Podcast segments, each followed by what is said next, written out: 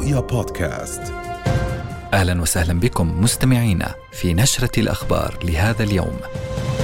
إنها السابعة والنصف وهذه نشرة الأخبار الرئيسة. أرحب بكم وكالعادة البداية من أبرز العناوين.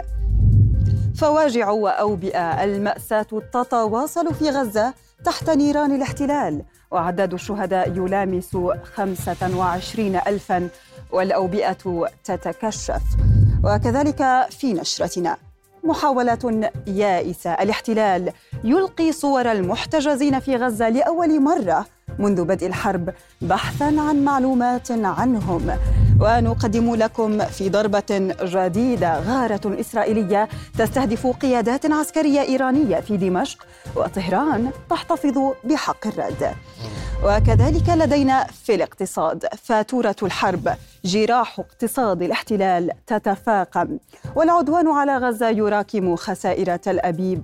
وسط محاولات للتعافي.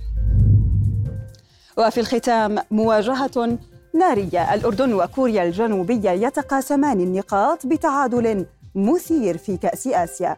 ومن العناوين ننتقل إلى التفاصيل.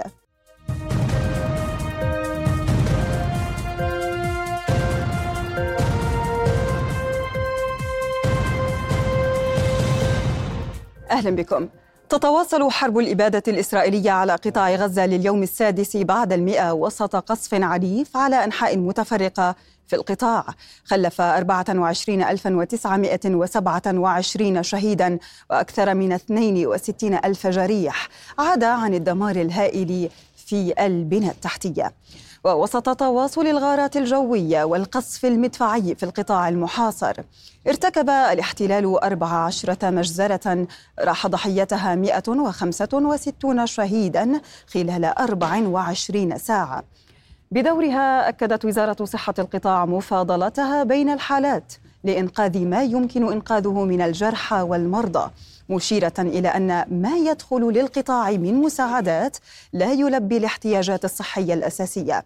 فيما شن طيران الاحتلال غارات مكثفة فوق خان يونس جنوبي القطاع ومنطقة تل الزعتر شرق مخيم جباليا شمالي قطاع غزة.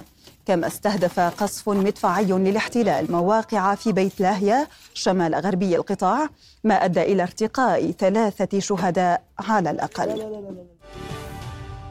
أعلنت صحة غزة انتشار التهاب الكبد الوبائي من نوع A نتيجة الاكتظاظ في أماكن النزوح محذرة من توقف الفحص المخبري للدم جراء نقص المواد الخاصة به. هذه الأزمة يرصدها مراسلنا في غزة غازي العلول. بات قطاع غزة أرضا خصبة لانتشار الأمراض والأوبئة المعدية مع استمرار الحرب التي دفعت مليونا وتسعمائة ألف غزي للاكتظاظ في مدينة رفح ذات المساحة الضيقة التي تبلغ خمسة وخمسين ألف كيلومتر مربع والتي باتت أكثر مناطق العالم كثافة. ليس ذلك فحسب بل إنهم يعيشون في خيام ومراكز إيواء. لا تصلح للعيش الآدمي مع عدم توفر الطعام النظيف ولا المياه الصالحة للشرب. ما ساعد في انتشار مرض الكبد الوبائي. A إحنا أول حاجة طردونا من حي الشجاعية شردنا على الانصارات حي الانصارات شردونا على حي رفح. جينا على حي رفح لقينا في بعض خيام منصوبة وبعض خيام مش منصوبة. ما لقيناش عندهم خيام إحنا عملنا خيمه بدينا نايلون. خيش شوية هيك وقاعدين فيها هلقيت في ظروف صعبة جدا. فيش حد مساعدات فيش حد يقول لك حاجة حمامات ما فيش. في الخلاء الله يعزك سنادل ما فيش. أحذية فيش أكل غطاء ما فيش أي شيء. الأطباء من جانبهم يقولون إن هذا المرض سيداهم الفلسطينيين في غزة إذا ما اتسعت رقعة انتشاره. نتعامل حقيقة في الفترة الأخيرة مع عدد كبير من الحالات. يصل في بعض الأيام إلى 100 طفل. بشكل يومي نشخصه بالتهاب الكبد الوبائي مما ينذر بكارثة صحية في القطاع إذا ما استمرت الأمور على هذا النحو. حقيقة مع تكدس حالات المرضى خصوصا النازحين في المدارس ومراكز الإيواء والنازحين في الخيام المتكدسة في المناطق المتجمعين بها عموم الناس. انتشر للأسف الشديد في قطاع غزة التهاب الكبد الوبائي من النوع A وهو التهاب كبد وبائي يصيب الأطفال بالتحديد.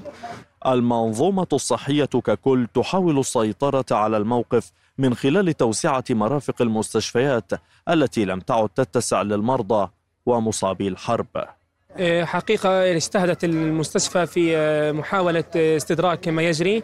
حاليا في محاولة لحصر المرض وعدم تسبب بالعدوى إلى المرضى الآخرين. جعلنا خيمة خاصة للتعامل مع حالات الكبد الوبائي والحالات الأمراض المعدية. نحاول في الفترة الحالية إلى افتتاح قسم جديد قسم الصيدلة.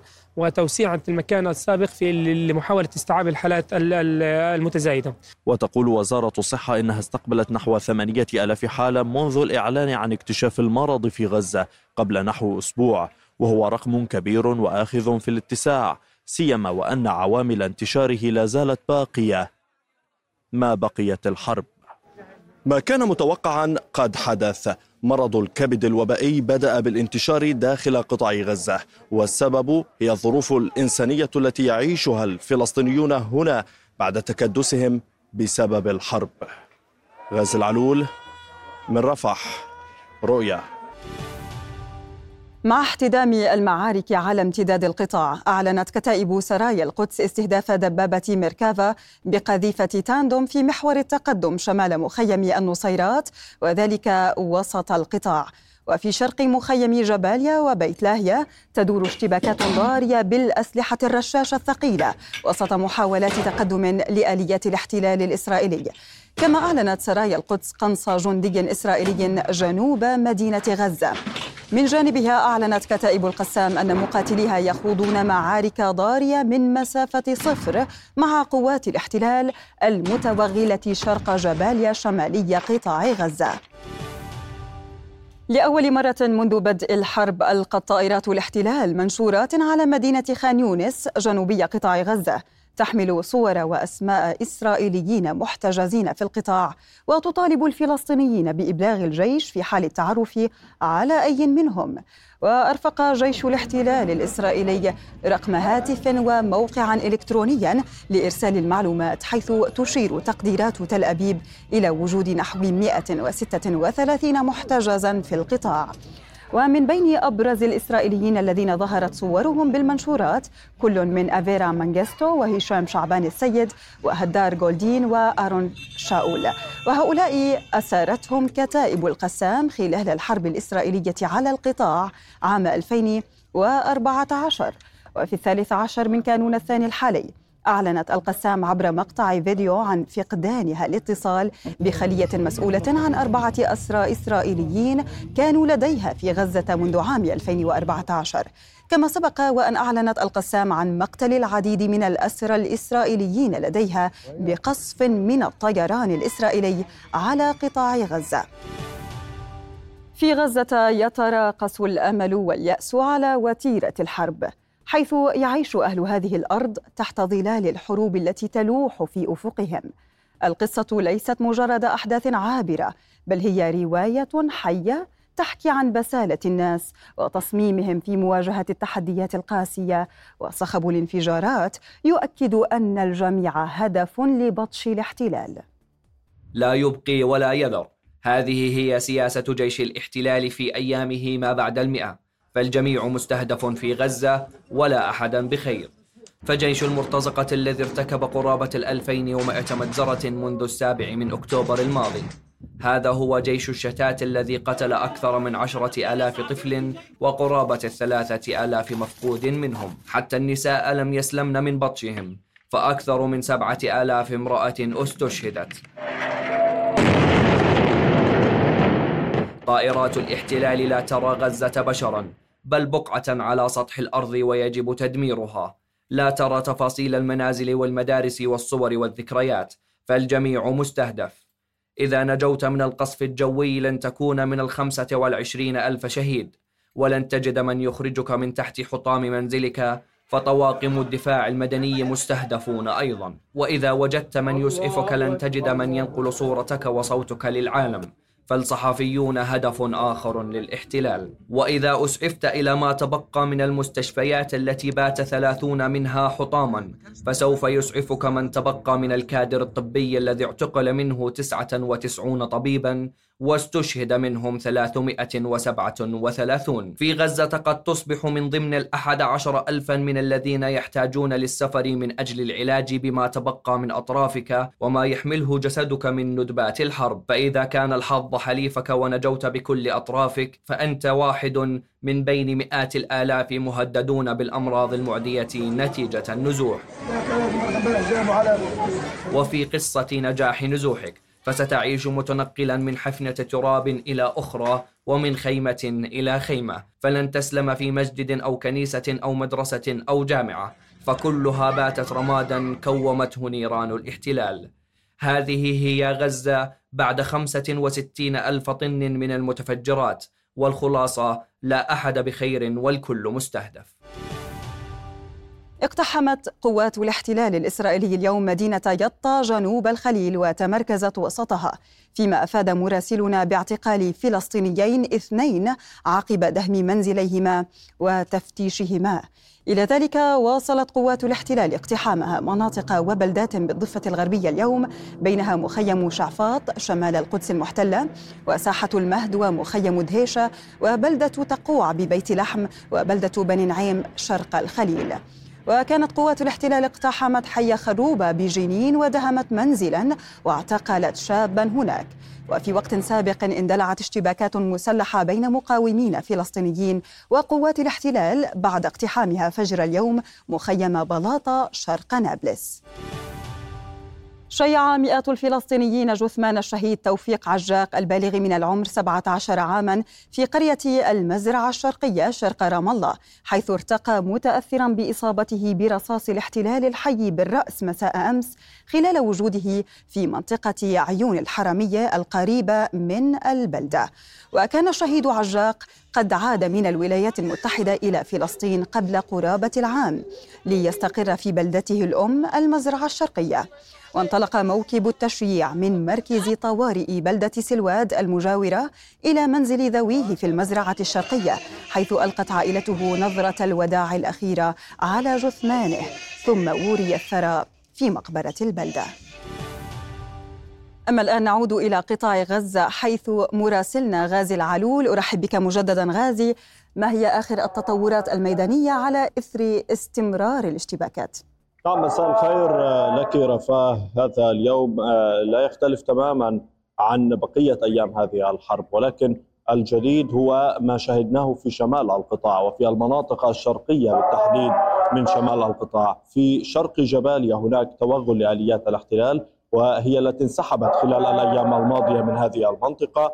هي تعود الآن لمهمات خاصة وفق الإعلام العبري الذي يقول بأن هذه المهمات متعلقة بتدمير المقاومة الفلسطينية وقدراتها في المناطق التي لا زالت تشهد اطلاقا للصواريخ أو حتى فيما يتعلق بالمناطق التي تشهد اشتباكات، أيضا في منطقة الكتيبة وأنصار اليوم كان هناك توغل لآليات الاحتلال، في منطقة شرق حي آه، آه، التفاح كان هناك أيضا توغل آه، في شرق مدينة غزة، بالتالي هذه المناطق تشهد كرا وفرا من قبل قوات الاحتلال المتوغلة والتي انسحبت خلال الأيام الماضية ولكن بكثافة أقل.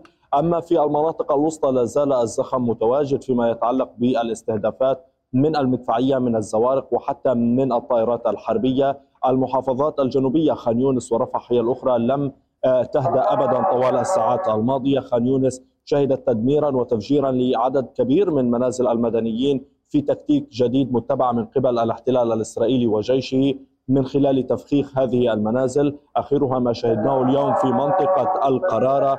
في هذه المنطقة فجرت آه، منازل عديدة لمواطنين فلسطينيين. ولكن في رفح في منطقة مكتظة بالمواطنين والسكان وسط مدينة رفح فيما يعرف بدوار النجمة. هنا استهدفت سيارة مدنية ارتقى على إثر هذا الاستهداف الذي وقع قبل نحو ساعة ونصف من الآن. أربعة من الشهداء ثلاثة منهم مجهولو الهوية. وهذا بالتأكيد آه، آه، يؤكد بأن منطقة رفح آه، تكذب ادعاءات الاحتلال بهذه الاستهدافات التي لا تتوقف ابدا عليها سواء في المناطق الشرقية أو حتى في عمقها. وفي مخيماتها السكنية في منطقة النجمة هي إحدى المناطق التي بالفعل لا تهدأ أبدا من ضجيج المواطنين ومن ضجيج الباعة المتجولين والذين يحاولون خلق يعني واقع جديد فيما يتعلق بالاقتصاد الفلسطيني عقب كل هذه المآسي التي يشهدها هذا القطاع وهذا الجانب. هنا بالفعل رصدنا استهدافا طال السيارة المدنية وارتقى أربعة من المواطنين بالإضافة إلى عدد من المصابين في هذا الاستهداف. وأيضا الحالة الإنسانية هنا بالتحديد في رفح كارثية للغاية في ضوء انتشار الأمراض والأوبئة. وكنا قد رصدنا انتشار مرض الكبد الوبائي. وبالتأكيد هذا المرض له تداعيات خطيرة وفق وزارة الصحة. بالتالي هذا يأتي نتيجة انعدام فرص الحياة الإنسانية البسيطة التي يفتقدها الفلسطينيون هنا. داخل قطاع غزة الذين يعيشون في خيام يعيشون في تكدس وفي اكتظاظ كبير للغاية. بالتالي عمليا هذه المأساة تتفاقم بمرور الوقت وباستمرار أيام هذه الحرب. نعم نعم مراسلنا غازي العلول. لو ذهبنا كذلك غازي لما قالته بلدية غزة بأن استمرار العدوان وأزمة نفاذ الوقود يشكلان تحديا أمام توفير الخدمات الأساسية للمواطنين ومن هنا نتساءل كيف هي الحياة العامة في قطاع غزة بكافة جوانبها هل لك أن تطلعنا على الصورة بالمجمل؟ تصريحات بلدية رفح التي قالت نعم. بأن هناك بالفعل تكدس للقمامة والصلبة في المناطق المكتظة بالسكان هذا بالفعل بات واقعا حقيقيا هنا في قطاع غزة في المنطقة الجنوبية أقصى جنوب القطاع في رفح وفي مخيماتها بالفعل هناك اكتظاظ وامتلاء للشوارع بالقمامة الصلبة كذلك بالتلوث الذي تشهده شوارع هذه المدينة خاصة مع وجود مليون وتسعمائة ألف فلسطيني يتواجدون في المناطق مناطق النزوح ومناطق الخيام وكذلك مراكز الإيواء خاصة في مدارس تتبع لوكالة غوث وتشغيل اللاجئين الفلسطينيين الأونور. وهذه القمامة تتكدس في هذه التجمعات وهو الأمر الذي لا تستطيع بالتأكيد بلدية رفح المتعطلة عن العمل نتيجة هذه الحرب وعدم توفر الإمكانيات اللازمة لتدارك الموقف الصحي في هذا الإطار والبيئي. كلها عوامل ساعدت في انتشار الأمراض والأوبئة وهناك تحذيرات مستمرة وضرورة بإدخال المعدات اللازمة وتجنيب القطاعات الخدماتية مثل البلديات خطر الاستهداف كما جرى في مدينة غزة أو في مناطق أخرى وتركهم يعملون وفق إمكانياتهم على أقليتها لتدارك هذا الموقف. ولكن بطبيعة الحال التصريحات التي تتعالم من القطاعات الخدماتية كالبلديات تؤكد بأنها تواجه خطر الاستهداف في كل لحظة وفي كل حين. وبطبيعة الحال كل هذا التكدس وهذا الاكتظاظ يمنع توفر السبل الحقيقية لإزالة هذه القمامة ورفعها من مراكز الإيواء ومن المناطق التي يتكدس فيها الفلسطينيون نعم داخل قطاع غزة، بالتالي عمليا الأسباب التي نشهدها هنا لتفاقم الأزمة الصحية والإنسانية كبيرة للغاية وتحتاج وقفا لإطلاق النار نعم. ليتسنى للبلديات العمل بسهولة. نعم غازي. إن شاء الله المبدئ المعيد أن يعيد عليكم كل خير، شكرا لك مراسلنا غازي العلول. ومن غزة ننتقل إلى نابلس حيث مراسلنا حافظ أبو صبرة. أرحب بك حافظ. إذا انتهاكات الاحتلال مستمرة وسلسلة الاقتحامات وعدوانه على الضفة الغربية ما زال في أوجه. هل لك أن تطلعنا على آخر التطورات؟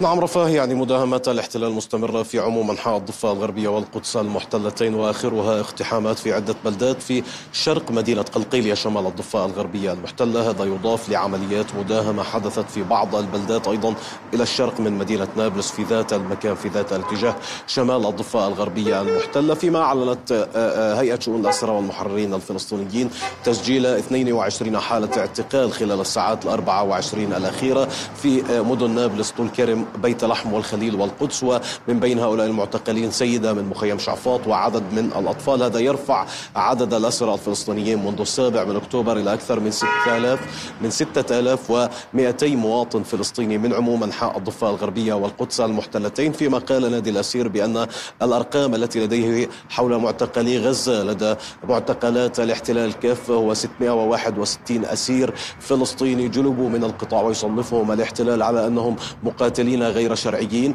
فيما في سجن الدامون هناك 51 أسيرة من قطاع غزة يعتقلهم الاحتلال في هذا السجن منذ بدء حملته البرية يوم السابع والعشرين من أكتوبر الجاري أو الماضي عفوا. فيما يتعلق بالأوضاع على الأرض أبرز ما حدث اليوم هو هجمات المستوطنين على قريتي رمون ودير دبوان إلى الشمال الشرقي من مدينة رام الله المحتلة. سجل الطواقم الطبية عدد من الإصابات جراء حجارة هؤلاء المستوطنين فيما أطلق المستوطنون الرصاص بشكل مباشر صوب المواطنين الفلسطينيين في هاتين القريتين. هذا يضاف لاعتداء قوات الاحتلال على نشطاء فلسطينيين في مناطق الأغوار الشمالية المحتلة. كانوا يحاولون زراعة ومساعدة المزارعين هناك في زراعة أرضهم إضافة لاختطاف الاحتلال لعدد من الآليات الزراعية من بينها جرار زراعي من أيدي هؤلاء النشطاء والمزارعين الفلسطينيين.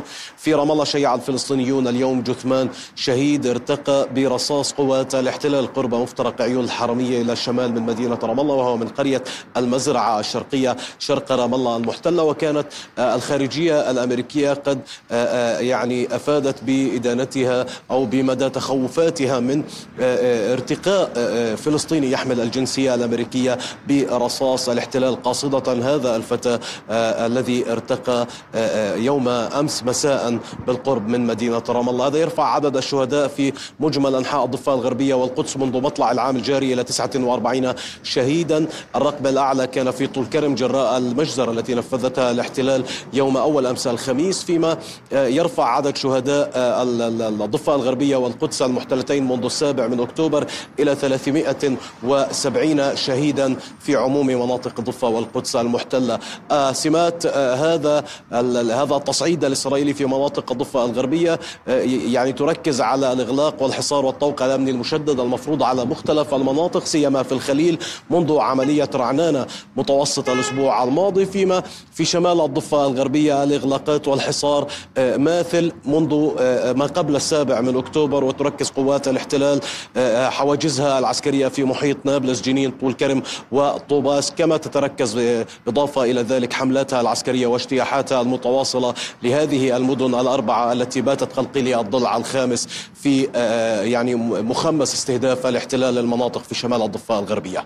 نعم مراسلنا حافظ أبو سبرة لك منا جزيل الشكر. كنت معنا من نابلس يستمر التصعيد على جبهة جنوب لبنان حيث جدد جيش الاحتلال قصفه على القرى والبلدات الحدودية. في وقت استهدف سيارة قرب مدينة صور الجنوبية ما أدى إلى ارتقاء أربعة شهداء بينهما اثنان من حركة حماس وفق وكالة رويترز. وبدوره أعلن حزب الله في بيان استهدافه تجمعا لجنود الاحتلال في محيط قلعة هونين بالأسلحة الصاروخية. مؤكدا تحقيقه إصابة مباشرة. كما استهدف تجمعا ثانيا للجنود في محيط ثكنة زرعيت بالأسلحة المناسبة وإصابته إصابة مباشرة. إضافة إلى استهدافه تجمعا ثالثا لجنود الاحتلال في محيط موقع الظهيرة وتحقيق إصابات مؤكدة. على خلفية مقتل خمسة مستشارين للحرس الثوري بهجوم إسرائيلي على العاصمة السورية دمشق. أدانت الخارجية الإيرانية الواقعة وقالت إنها تدل على عجز إسرائيل عن مواجهة المقاومة في غزة ميدانيا. وهي محاولات يائسة لتوسيع دائرة التوتر وعدم الاستقرار في المنطقة. المتحدث باسم الخارجية الإيرانية ناصر كنعاني طالب المحافل الدولية بإدانة هذا الاغتيال بشكل صريح وقال إن طهران تحتفظ بحق الرد على الكيان الصهيوني في المكان والزمان المناسبين لاغتيالها مستشارين عسكريين إيرانيين في سوريا. هذا وكان قصف إسرائيلي استهدف مبنى سكنيا في دمشق كان يستضيف اجتماع قيادات مقربة من إيران. أسفر عن قتلى بينهم قيادات عسكرية إيرانية. وكان الحرس الثوري الإيراني أعلن مقتل خمسة من مستشاريه العسكريين بالغارة الإسرائيلية على حي المزة بدمشق في حين أفاد إعلام إيراني بمقتل مسؤول استخبارات ساحة سوريا بفيلق القدس ونائبه في الغارة تلك. وسائل إعلام سورية أفادت بأن ثلاث طائرات حربية إسرائيلية أطلقت صاروخين على حي المزة مؤكدة أن الغارات دمرت مبنى من أربعة طوابق بالكامل. شدد سياسيون على ضرورة دراسة مآلات الأوضاع السياسية لما بعد الحرب على غزة وتداعياتها على علاقة الأردن مع الاحتلال. نائب رئيس الوزراء الأسبق الدكتور مروان المعشر وصف من يتحدث عن خيار حل الدولتين من دون الحديث عن خطة تنفيذية شاملة وصفه بالمخادع وطالب المعشر بضرورة فتح حوار وطني شامل لكل الفعاليات الشعبية لتحديد مسار وشكل العلاقة مع الاحتلال لما بعد الحرب ما هي مستقبل العلاقة مع إسرائيل؟ هل هل يفكر أحد أن العلاقة مع إسرائيل في المستقبل ستبقى كما كانت عليه في السابق؟ أنا من رأيي ولا يمكن ولا يمكن بحال من الأحوال أن نقول انتهت الحرب ولنعد إلى ما آه، كنا عليه من علاقة مع إسرائيل. أنا لا أقول بإلغاء المعاهدة، إلغاء المعاهدة أفهم أنه سيتبع تداعيات كبيرة ولكن هناك حاجة كبيرة لحوار وطني جاد ومسؤول بين مختلف الفعاليات السياسية والاقتصادية والاجتماعية في البلاد للاتفاق على مسار بعد الحرب.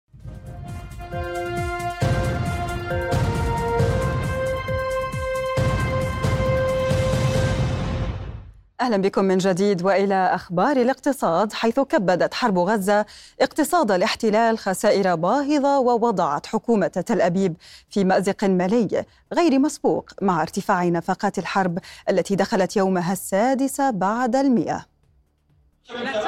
وافقت حكومة الاحتلال قبل أيام على تعديل الموازنة العامة للعام الحالي برفعها إلى 156 مليار دولار. أي زيادة 19 مليار عن الميزانية الأصلية نتيجة استمرار الحرب على قطاع غزة.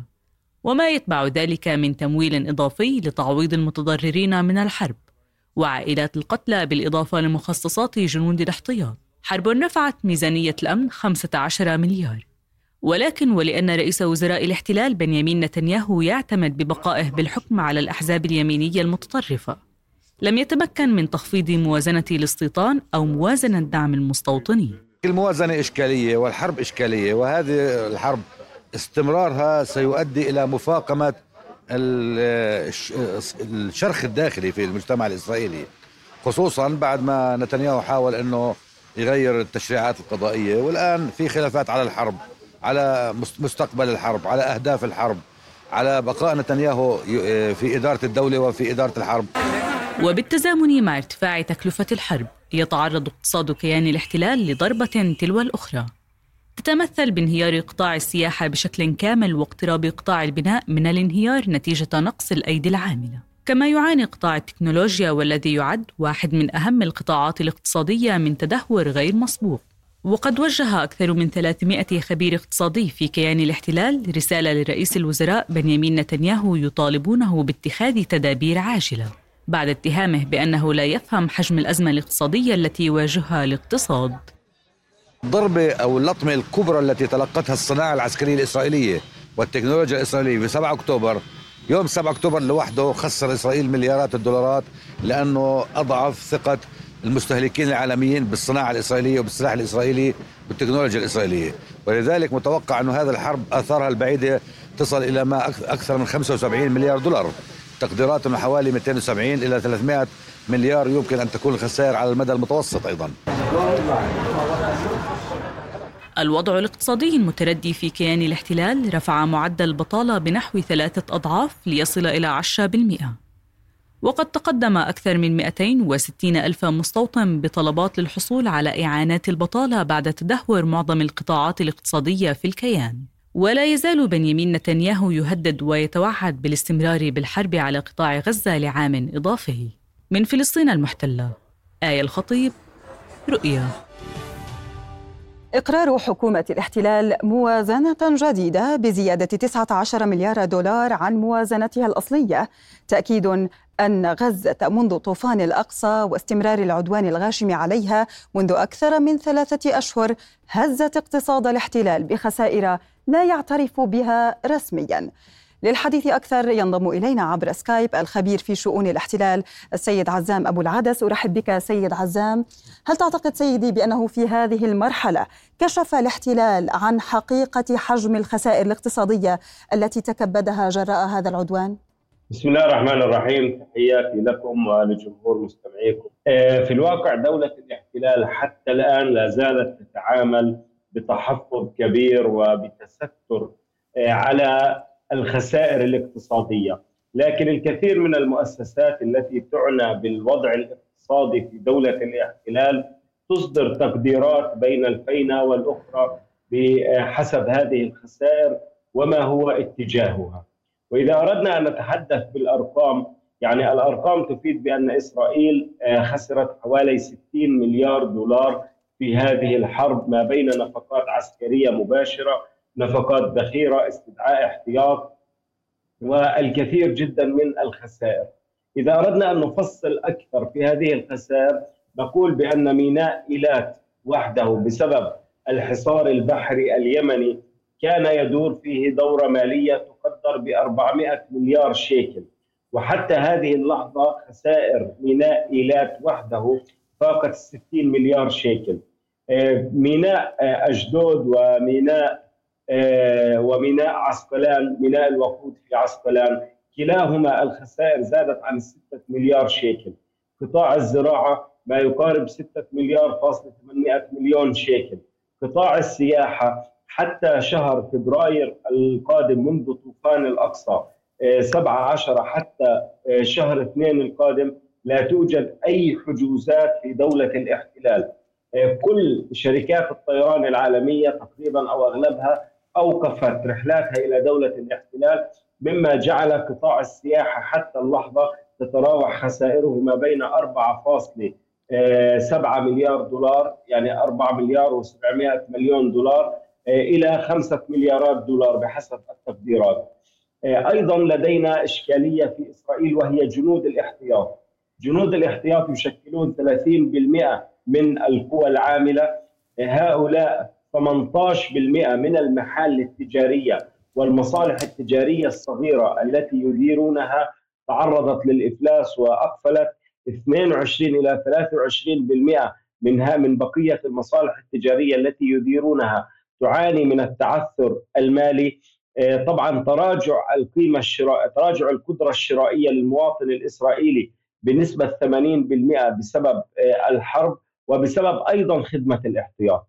ولنفهم موضوع خدمة الاحتياط وتأثيره على دولة الاحتلال. جنود الاحتياط هم الجنود الذين لا يخدمون في الجيش بشكل منتظم. بمعنى هم الذين أنهوا الخدمة الإلزامية ويتم استدعائهم في كل عام لعدة أيام للتدريب والتأكيد على جاهزيتهم.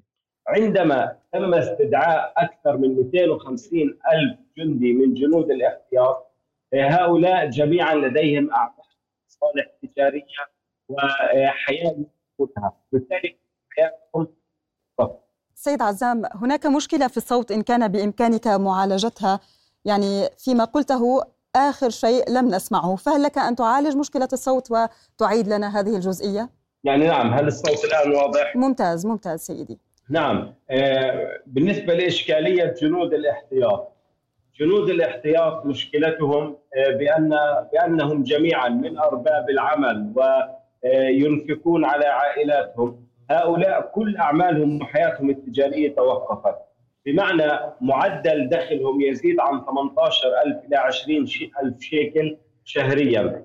بينما تدفع لهم الدولة الحد الأدنى للأجور وهو ما يقارب 6000 شيكل بمعنى ثلث أو ربع دخلهم الشهري. نعم، سيد عزام أبو العدس الخبير في الشؤون الإسرائيلية، لك منا جزيل الشكر على هذه الإيضاحات، شكرا لك.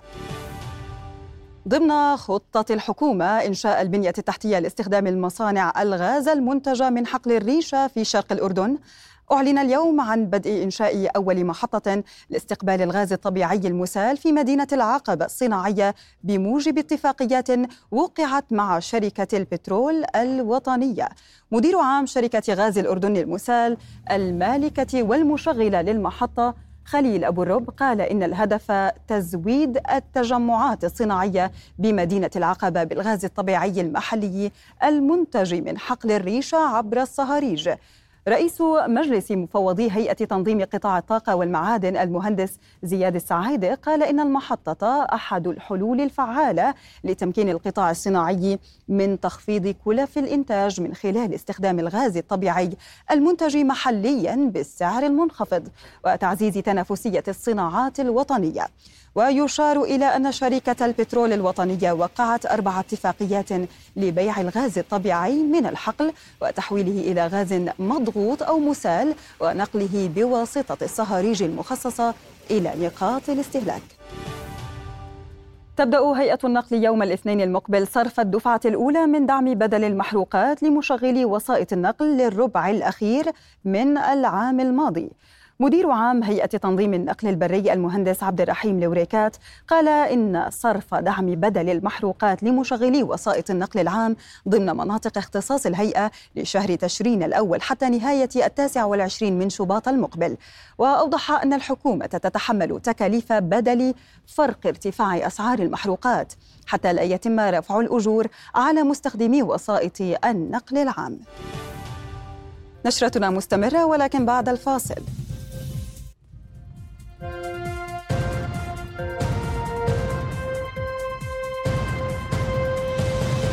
أهلا بكم من جديد.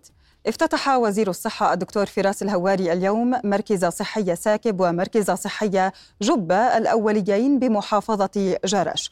وذلك ضمن سلسلة الافتتاحات التي شرعت بها وزارة الصحة مطلع هذا العام. وتم بناء مركز صحي ساكب الأولي من خلال منحة من الصندوق السعودي بتكلفة مليون وثلاثمائة ألف دينار وبمساحة حوالي 1100 متر مربع. فيما تم بناء مركز صحي جبة بمنحة كويتية بتكلفة مليون ومائتي ألف دينار وبمساحة 650 متر مربع. الهواري شدد خلال الافتتاح على أهمية الرعاية الصحية الأولية التي تقدمها المراكز الصحية في جميع أرجاء المملكة. أكد وزير الشؤون السياسية والبرلمانية حديث الخريشة أن العمل السياسي في الأردن ليس عملا جديدا وهو وريث الثورة العربية كبرى مذكرا بأن أول مجلس تشريعي كان في عام 1921 وخلال مشاركته في ندوة نظمها حزب تقدم في مقره اليوم بعنوان تمكين المرأة في العمل السياسي أشار الخريشة إلى أن الأردن من الدول الرائدة بالعمل السياسي الديمقراطي على مستوى العالم. من جهتها لفتت وزيرة التنمية الاجتماعية وفاء بني مصطفى إلى تخصيص 41 مقعدا للقائمة الوطنية من مقاعد البرلمان وإلزام تضمنها مقاعد للمرأة. بعتقد بأنه آه، ال 41 مقعد آه، بشكله فرصة كثير كبيرة وما ننسى أنه نفس آه، المخرجات تكلمت عن خارطة طريق واضحة واضحة في المستقبل رسمت الطريق في المستقبل وكيف يمكن أن نصل إلى آه، الخمسين وبعد الخمسين إلى الخمس وستين؟ حتى يكون لدينا آه، آه، يعني كيانات برامجية سياسية تتعلم اولا بأول على آليات وطرق العمل آه، الجماعي وعلى العمل آه، المنظم والمنتظم وتخرج من الحالة الفردية التي كانت تطغى لمراحل طويلة. يستكمل طلبة المدارس الحكومية عامهم الدراسي غدا الأحد للفصل الدراسي الثاني بحسب الناطق باسم وزارة التربية والتعليم الدكتور أحمد المسعفة المسعف قال لرؤيا إن ما يقارب مليون وسبعمائة ألف طالب انضموا للمدارس الحكومية يستعدون لأولى الحصص الصفية في تمام الساعة الثامنة والنصف للفترة الواحدة. وقال إن الطابور الصباحي سيبدأ في الساعة الثامنة والربع في جميع المدارس الحكومية. وأشار المسعف إلى أنه سجل في الأردن مليونان ومئتان وخمسون ألف طالب في المدارس الخاصة والحكومية. حسم التعادل الإيجابي مواجهة النشامة وكوريا الجنوبية ضمن منافسات كأس آسيا. جاء ذلك ضمن منافسات الجولة الثانية للمجموعات الختامية بدور المجموعات لبطولة كأس آسيا بكرة القدم والمقامة في قطر. فرح رغم التعادل هو لسان حال الجماهير الأردنية بأداء المنتخب الوطني الأول أمام نظيره الكوري الجنوبي في ثاني مبارياته بالمجموعة الخامسة من كأس آسيا. والتي أقيمت على استاد الثمامة جنوب العاصمة القطرية الدوحة. النشامة دخلوا اللقاء بحماس كبير متسلحين بجماهير يمكن تصنيفها من الأكبر في البطولة ومنتشين بالفوز الافتتاحي العريض على ماليزيا برباعية نظيفة وهو الأمر الذي وضعهم في صدارة ترتيب المجموعة. البداية كانت سريعة وأسفرت عن تقدم المنتخب الكوري بهدف مبكر من ركلة جزاء على المدافع إحسان حداد. سجلها هيونغ بينسون بنجاح في الدقيقة التاسعة. الرد الأردني كان في الشوط الأول بهدفين متتاليين. كان الأول بنيران صديقة عندما أحرز الكوري بارك يونغ بالخطأ في مرمى فريقه. قبل أن يسجل يزن الانعمات الهدف الثاني للنشامة. وفرض النشامة رتمهم على اللقاء حتى الوقت بدل الطائع من عمر الشوط الثاني والذي شهد تعادل كوريا بهدف أحرزه يزن العرب بالخطأ في مرمى يزيد بوليلة تعادل أبقى النشامة في صدارة المجموعة بأربع نقاط. بانتظار مواجهة الجولة الأخيرة أمام البحرين حيث يسعى أبناء الحسين عموتة للتأهل للدور الثاني للمرة الرابعة في تاريخهم في المشاركة التاريخية الخامسة. الحمد لله أنه اللاعبين كانوا مركزين بالشكل المطلوب وأدوا بالشكل المرجو الالتزامات التكتيكيه مهمة. حضور ذهني من خلال يعني القتالية من خلال الرغبة يعني شفناها والقوة الذهنية يعني اتضحت من خلال أنه رغم تلقينا واخطانا في الهدف الأول لكن الفريق رجع بالشكل المطلوب وهاجم وخلق فرص ويعني ومشات المقابلة يعني في الاتجاه ديالنا. مع الأسف يمكن نزول يمكن الوتيرة البدنية في آخر شيء أخطأنا لكن تتبقى دائما النتيجة ديال التعادل نتيجه ايجابيه بالنسبة لنا أمام منتخب اللي هو قوي اللي هو منتخب يعني كوريا. وسيلتقي منتخب النشامة في حال تأهله للدور المقبل بثاني المجموعة الثانية التي تضم أستراليا وسوريا وأوزبكستان والهند أو وصيف المجموعة الرابعة والتي تضم اليابان والعراق وفيتنام وأندونيسيا. وفي حال التأهل كأحد أفضل الثوالث فإنه سيلتقي متصدر المجموعة الثالثة أو الرابعة. بهذا نكون قد وصلنا لختام هذه النشرة. دمتم في أمان الله.